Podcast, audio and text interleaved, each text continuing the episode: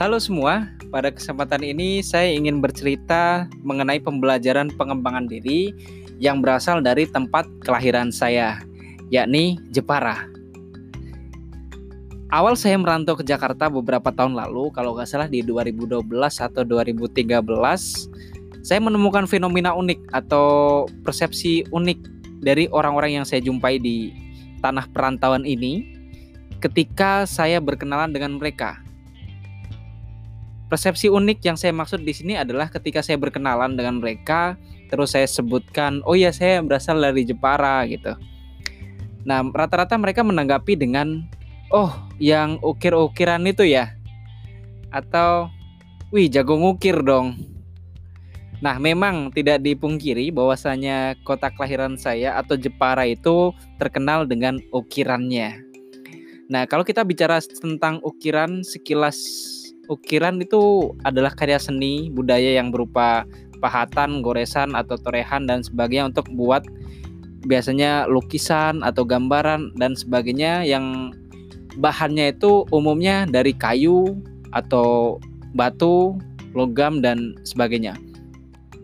Nah, hal menarik dari ukiran untuk konteksnya pembelajaran mengenai pengembangan diri, saya menemukan bahwa umumnya ukiran ini dibuat atau berasal dari bongkahan-bongkahan kayu atau batu yang pada awalnya bongkahan tersebut kurang memiliki nilai atau bahkan tidak bernilai.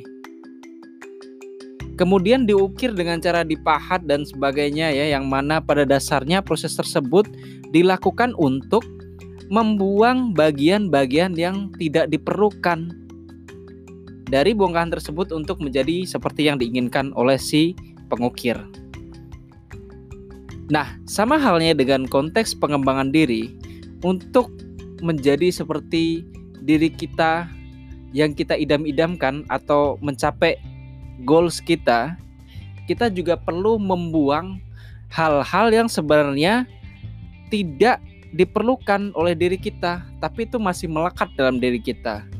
Salah satu contohnya mungkin sifat mager-mageran ya, cinta berlebihan terhadap rebahan ya, atau mungkin melihat YouTube yang terlalu banyak porsinya dan sebagainya. Nah, salah satu cara yang bisa kita lakukan untuk evaluasi diri apakah hal yang kita lakukan atau aktivitas kita sekarang ini sudah mendukung untuk mencapai diri kita di masa depan yang kita idam-idamkan atau tujuan kita atau belum yaitu dengan cara deskripsikan aja apa yang sebenarnya bagian dari kita. Ya memang setiap orang ber akan berbeda-beda dan sesuai dengan tujuannya masing-masing. Yang sebenarnya bagian tersebut bisa jadi akan menghambat atau tidak mendukung tujuan kita di masa depan. Nah, hal tersebutlah yang harus kita perlahan singkirkan atau kalau bisa buang dari diri kita.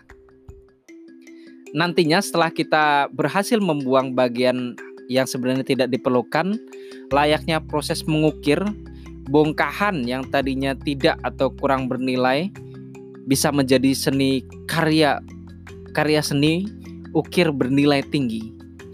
Yang mana dalam hal ini diartikan sebagai keberhasilan kita untuk meningkatkan kapasitas diri kita dalam rangka menyosong mewujudkan goals di masa depan. Sekian, sampai jumpa.